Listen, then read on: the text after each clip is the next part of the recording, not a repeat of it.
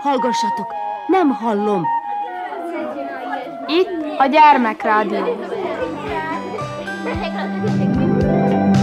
Visszhang!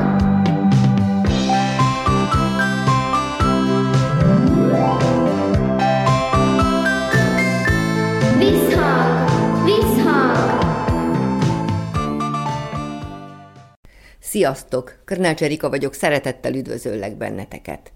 A Múzsai Lehel kézilabda klub tagjaival Kónya Otília készített egy hosszabb beszélgetést, ezt követően pedig Balog István zentai író költő meséjét hallgathatjuk meg. Tartsatok velünk! Muzsián nagy hagyománya van a kézilabdázásnak, és tényleg, hogy most is javában folynak az edzések, és nincs leállás. Gondolom, hogy azért jól érzik itt magukat a lányok. Kivel is beszélgetek? Schwarz Katarina. Már Vivien. Ti nagyon régóta jártok, úgy tudom, egészen kicsi korotok óta. Most milyen idősek is vagytok? Én 14 éves vagyok. Én is 14. Mióta is játszotok? Én elsős vagy másodikos koromban kezdtem el járni. 9 éve, járok. Mi volt az a vonzó, ami titeket itt marasztalt? Csapatszellem, itt a játék? Mi az, ami vonzó ebben a kézilabdázásban? Elsősorban a barátok, hogy nagyon sok barátom van itt, akiket már egész kiskoromtól ismerek, és hát szeretem ezt a sportot. Szeretek egy hosszú nap után eljönni, kiszaladni magamat, az nagyon jó érzés. Úgy szintén, ahogy Katarina mondta, barátok elsősorban, de én élvezem játszani, és szeretem ezt, amit csinálok, és remélem, hogy lesznek így nagyobb eredmények ebben. Ilyen sikerekről mit lehet elmondani így az eddigiek során? Mondjuk egy meccsen sok gólt lehet adni? Igen. Mondjuk te esetedben melyik időszak volt a legsikeresebb, melyiket emelnéd ki? Tavaly a csapatommal az első ligában megnyertük az első helyet, és az szerintem egy eléggé nagy siker volt. Egy kevés ponttal maradtunk le a szuperligáról. Úgy szintén, Katarina mondta, a Vajdasági első ligában elsők voltunk, és én azon a mérkőzésen és azon a selejtezőn voltam a legeredményesebb játékos, és nekem idáig még az az egyik legnagyobb sikerem. Most nem feleltetek arra, hogy egy meccs alkalmával hány gólt lehet lőni. De ez attól függ, hogy ki ellen játszunk, hogy milyen erős a másik csapat. Általában úgy 20-10 valamennyiket lövünk, hogy az egész csapat. És akkor ez személyenként változó, hogy ki milyen pozíción játszik, az is függ, hogy ki védi őt, tehát hogy milyen könnyű elmenni. Sok minden ugye összhangtól függ ez az egész. Igen. Nagyon sok mindentől függ még, hogy mennyi gólt lövünk, de én így legtöbbet így 6-7 gólt szokok így rutinosan lőni, kb. itt van az. Milyenek a célok? Mit szeretnétek elérni ezen a téren? Gondolom, hogy csak a csapat munka a fontos, az összejátszás, hogy így mondjam, ugye? Nekem tervemben, amivel most, ahogy elindultam Adára, és 14 éves koromra az már tényleg egy nagy siker, hogy átmék egy olyan jó és erős klubba, meg ottan profik vannak, és komolyan, nagyon komolyan veszik, és érzem már, hogy én hogy mennyit hallattam, hogy mióta ott játszok, és tényleg tetszik is ottan, jó ismén, és mindent legjobbat akarom, hogy minél többet. Kihoz magadból, ugye? Pontosan. Mióta vagy az ADA csapatában?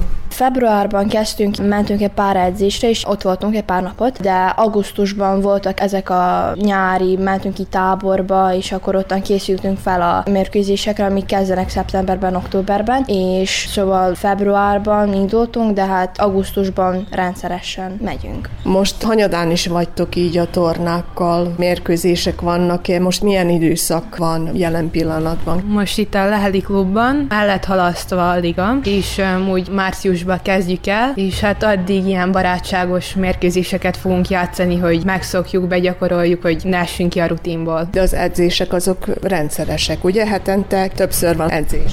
Persze, háromszor van hetente, hétfőn, szerdán, pénteken is. Attól, hogy mostan nem játszuk a ligát, mink haladunk előre is, próbáljuk kihozni magunkból a maximumot úgy is, hogy nem játszunk olyan meccset, így egymás között próbálunk játszani. Az adai klubbal már elkezdődtek a mérkőzések, elsők vagyunk a mi csoportunkba, de szerintem bírunk elsők is lenni, a tovább megyünk.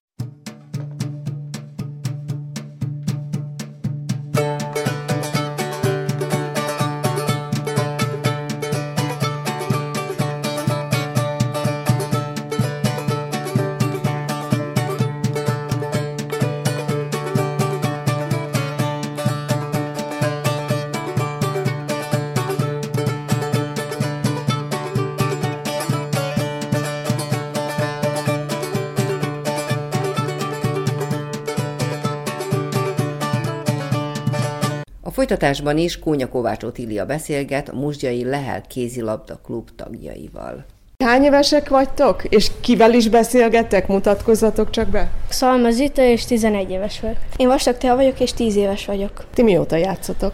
Egy, majdnem két éve. Én már négy éve játszom. És ez nálatok ugye, hogy ilyen családi vonás, mert a családban szinte mindenki kézilabdázik, mondhatjuk ezt? Igen, nálam majdnem mindenki kézilabdázott. És a sikerek sem maradnak el, ugye? Nagyon sikeresek voltunk az utóbbi időben, tehát sok mérkőzést megnyertünk. Hogy is van ez? Hogy foglalnátok össze mondjuk ezt a legutóbbi idényt? Milyen volt? Mondod azt, hogy elég sok meccset megnyertetek, hogy volt, mint volt? Először mindent megnyertük, voltak párok, amelyeket elbuktuk, de sikerült bejutni a Superligába, és most csak várjuk a végén mi lesz. Nem tudjuk még, de attól függ, hogy melyik helyzetet érjük el. De legjobb lenne, hogyha az elsőt megnyernénk. Ti beleadtok mindent, nem igaz? Az edzéseken is mindig itt vagytok, nem hagyjátok ki, ugye? Szeretitek ezt a sportot. Igen, én nagyon szeretem, és ritkán van, hogy kihagyom az edzéseket, mivel én nagyon beleszerettem ebbe a sportba. Én is, én csak ha beteg vagyok, de így mindig részt veszek. Mi a vonzó ebben a sportban? Mi az, amit úgy kiemelnél, hogy no, ez miatt vagyok én itt mindig?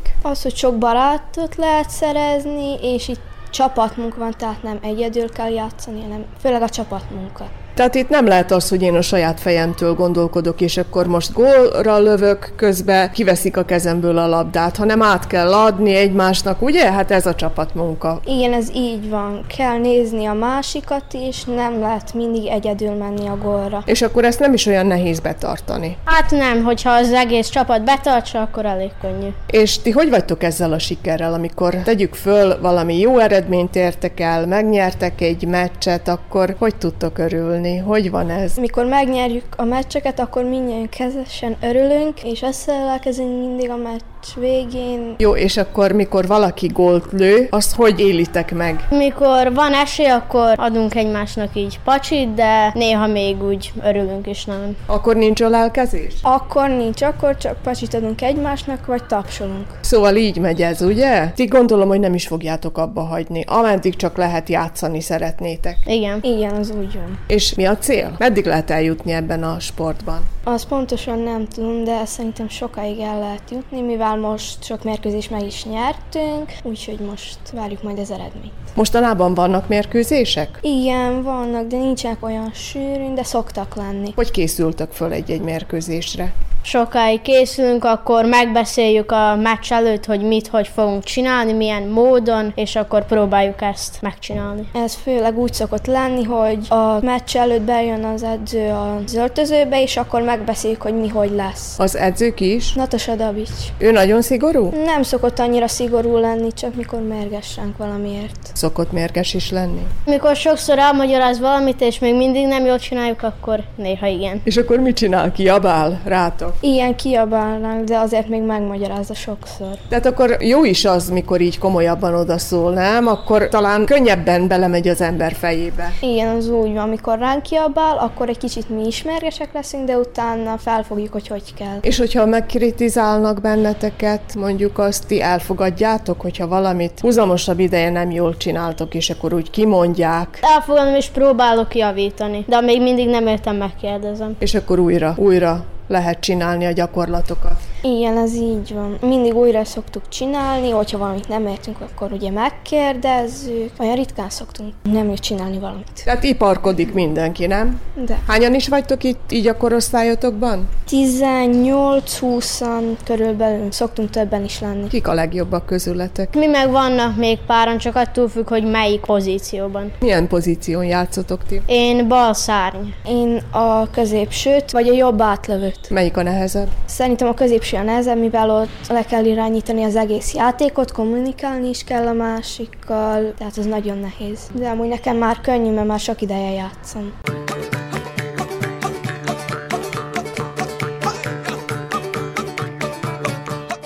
Kónya Kovács Otília beszélget a Musgyai Lehel kézilabda klub tagjaival.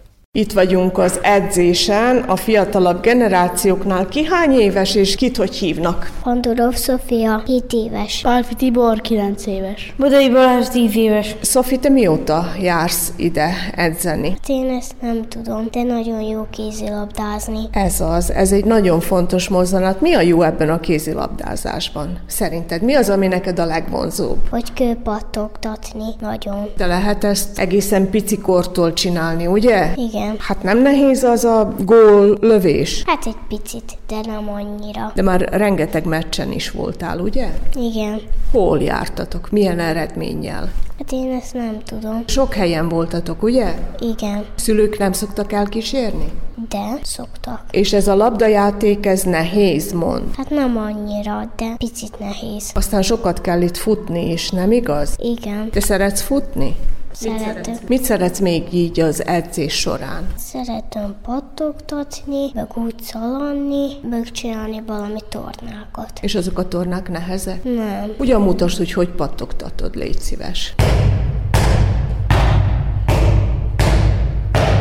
Hát ez nagyszerű, hát ez csuda valami, ehhez is kell egyfajta ügyesség, nem? Igen. Te ezt már egészen jól csinálod. Ti hogy vagytok ezzel a kézilabdázással? Ez valami új, úgy hallottam, hogy ti nem olyan régóta társultatok, Igen, igaz. Egy vagy két hónapja. és akkor hogy döntöttétek el, hogy beiratkoztok ide a kézilabdázásra? Én nem jártam sportokra, aztán miást elkaptuk azt a meghívót, én már el akartam jönni. Én legelsőbb azt gondoltam a kézilabdáról, hogy ez hülyeség, de mostan, hogy elindultam, nagyon megtetszett. Mi a vonzó ebben a sportágban? Gondolom, hogy az egy nagyon fontos mozzanat, hogy ez egy csoportjáték. Itt nem lehet, hogy egyénileg döntsön az ember, hanem itt össze kell játszani a csapat többi tagjaival, ugye? Igen. Mi a vonzó neked? A szaladás, a tornázás, a tanulás, hogy mit kell csinálni. A dobálás az egy kicsit nehéz, de nem nagyon.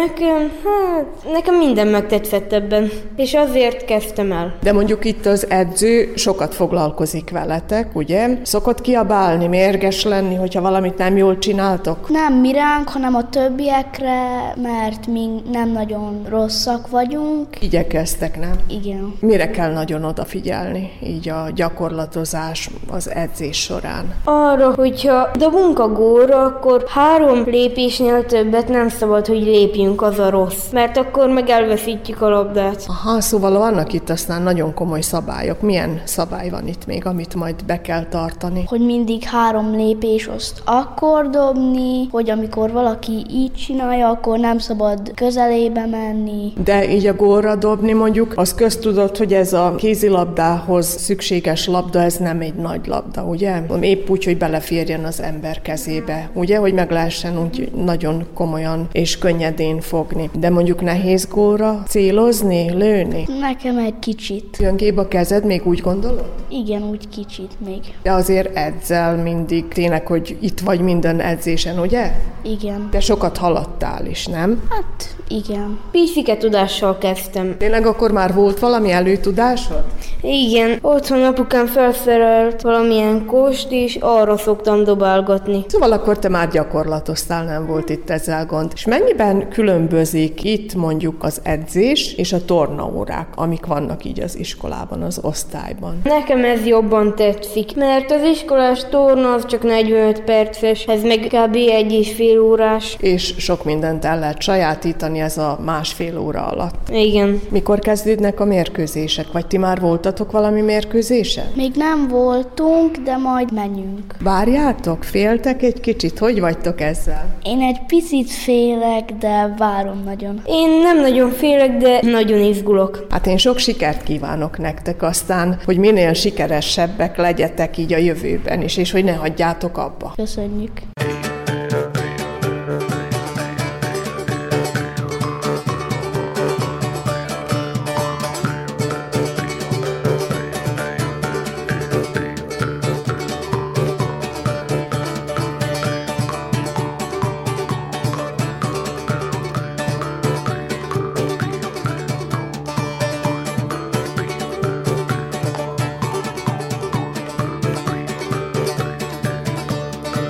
A muzsai kézilabdázó gyerekekkel Kónya Kovács Otília beszélgetett, A folytatásban Balog István zentai író költő mesél nektek.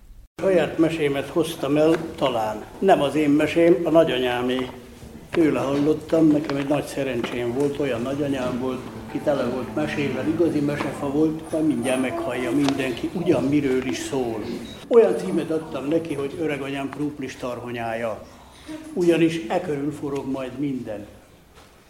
Mindannyian ismerjük a mesék világát, amelyben mindenféle mesealakok léteznek, tündérek, sárkányok, vasorróbábák, táltos lovak, és azt is tudjuk, hogy ez a világ túl van az óperenciás tengeren is, meg az üveghegyeken, meg a korpakozlakon, ám arra lakik egy kurtafarkú kismalac, és bezzegő az orrával kitúrja a barázdák mélyéből a csudaszép történeteket.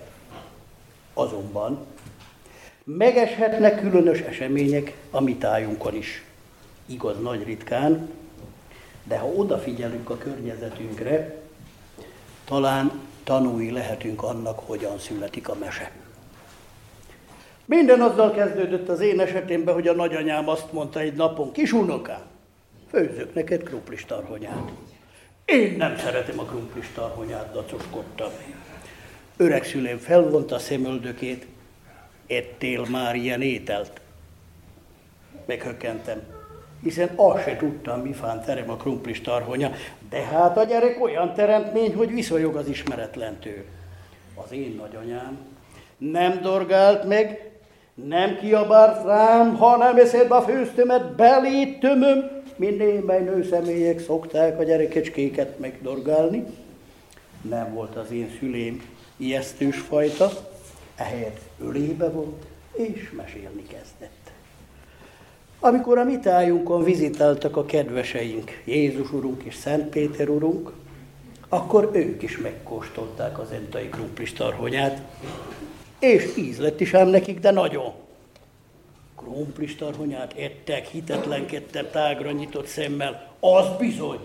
A nagylapos első számadója, a legöregebb bules vendégelte meg őket azután, hogy a szentek megleckéztették a kivagyi fölsőhegyi kovácsot.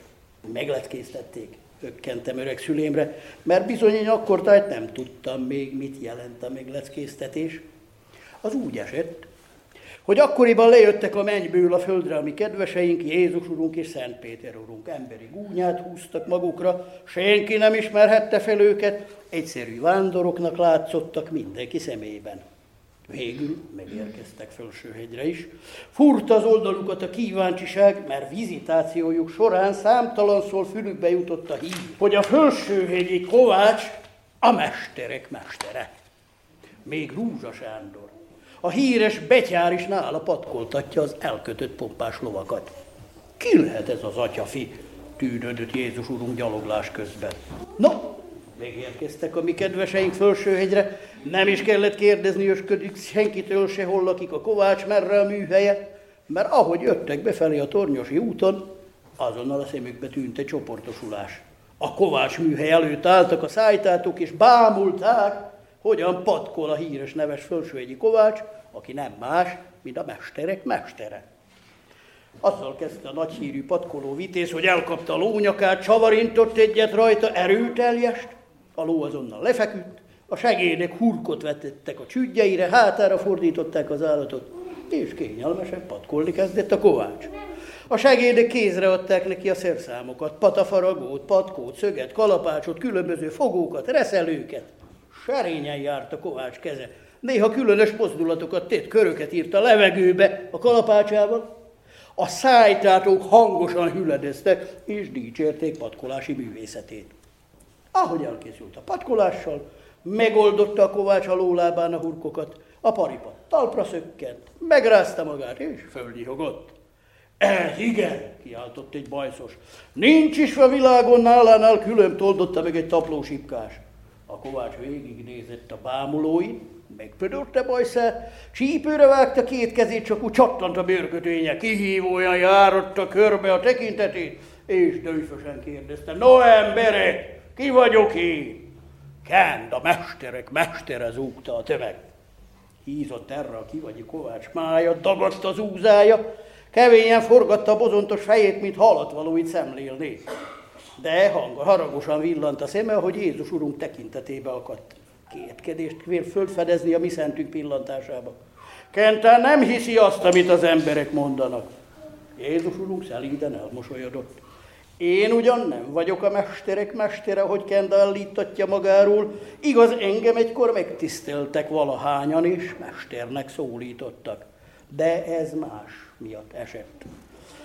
Ám megpróbálhatom én is a patkolás művészetét, ha lenne itt ló, amelyik új papucsra vágyik. A szájtátok gyülekezete morogni kezdett, a zsírosabbja visszafogta lovát, nem adja egy ismeretlen kezébe, még tönkreteszi a jószágot, hisz a rossz patkolás olyan, mint az átok. Az igavonó munkaképtelenné válik miatta. Nem számítok érte fizetséget, biztatta Jézus úrunk a gazdákat. Azok csak morogtak a bajszukba. Senki nem állt kötélnek, hiába volt a szíves hívogatás. Akkor Megjelent a falu legelesettebb, legszegényebb embere, a cingár magykó. A lova is olyan volt, mint a gazdája. Sovány. Úgy járt a nyikorgó szekér előtt, mint a táncolna. Pedig nem volt jó kedve a szegény párának, tántorgott a szkínjában. A csontjai meg zörögtek. Szinte hálni állt belé a lélek. Gyere, Magykó! szóltak az emberek a szerencsétlenre. Itt egy vándor atyafi, ingyen patkolja meg a lovadat, ha akarod. Magykó Jézus urunkra nézett. Ingyen nem kérem a munkát, jó szóval megfizetik érte. Az a legigazabb fizetség, mondta Jézus Urunk. Magykó kifogta a gebéjét a kocsi előtt, és a kötőféket Jézus Urunk felé nyújtotta. Jézus Urunk Szent Péterre mutatott. A kötőféket a segéden fogja. Szent Péter megsívogatta a lópofáját, erre még nyugodott a reszkető jószág. Jézus Urunk lekanyarintotta válláról előbb a szűrét, aztán a tarisznyáját. Könnyékig nyúlt bele, kodorászott kicsinyé, majd előhúzta a fanyelű bicskáját. Kinyitotta, megszemlélte az élét, hüvelykujjával meg is próbálgatta, jó lesz, örmögte.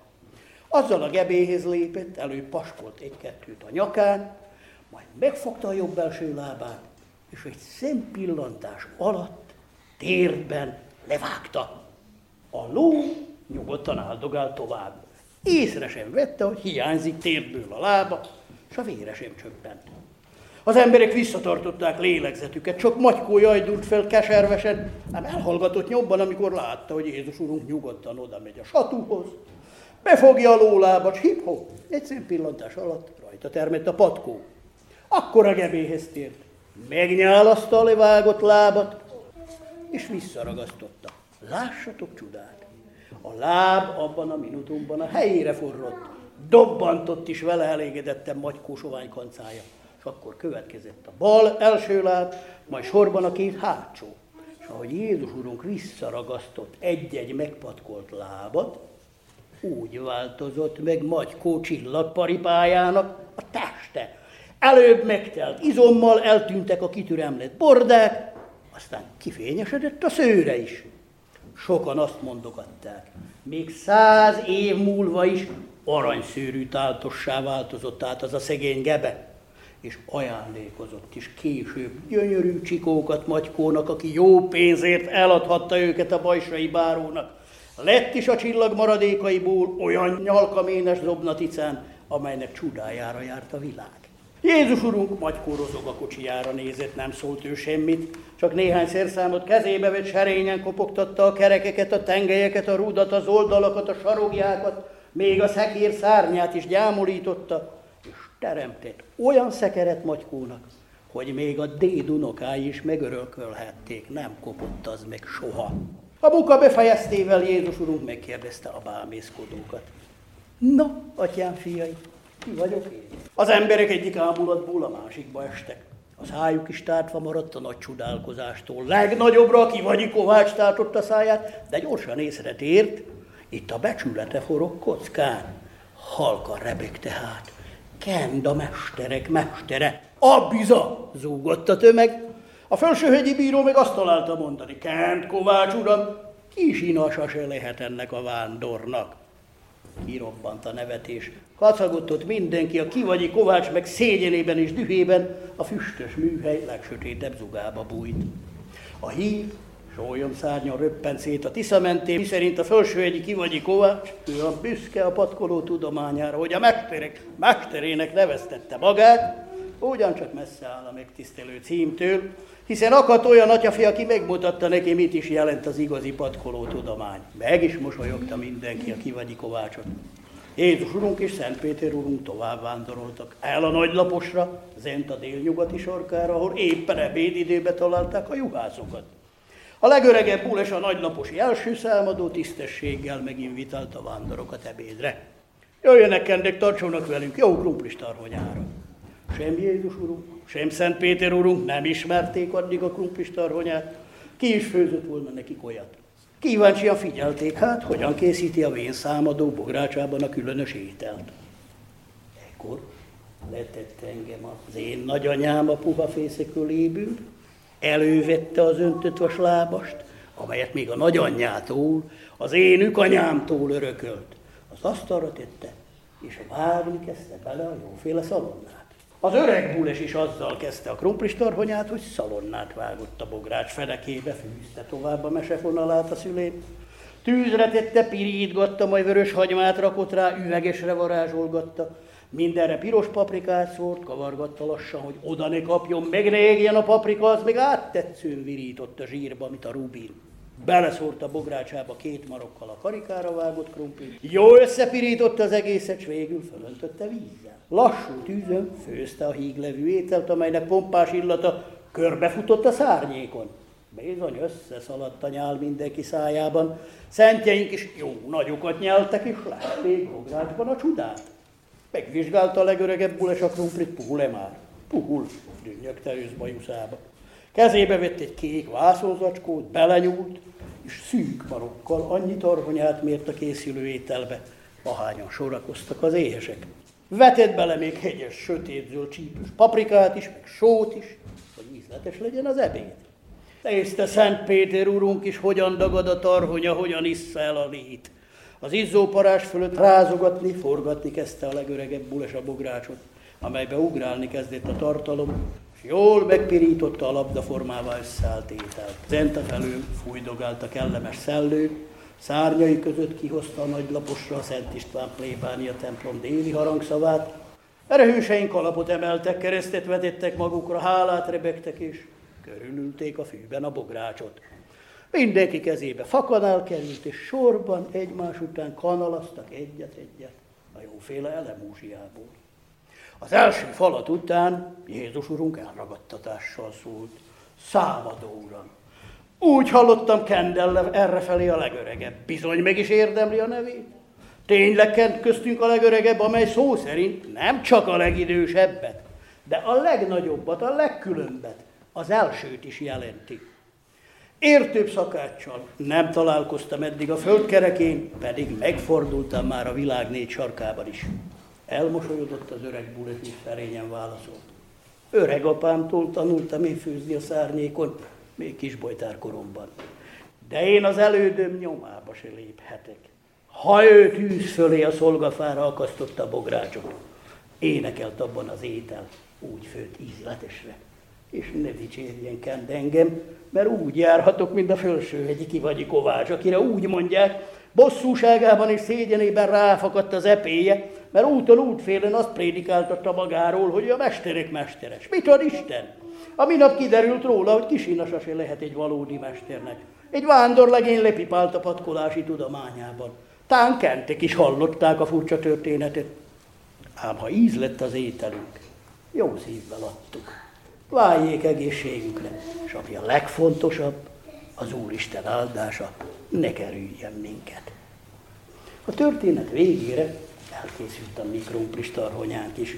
Öreg szülém öntött vas örökségéből terjedő pompás illat asztalhoz csalogatott engem, és olyan jót azóta sem ettem kedvenc ételemből, a krumplis tarhonyából, itt akkor, amikor először kóstoltam, amikor az én nagyanyám Jézus Ulunkról, a felső egyik kivagyi kovácsról, meg a legöregebb bules nagylaposi számadóról mesél.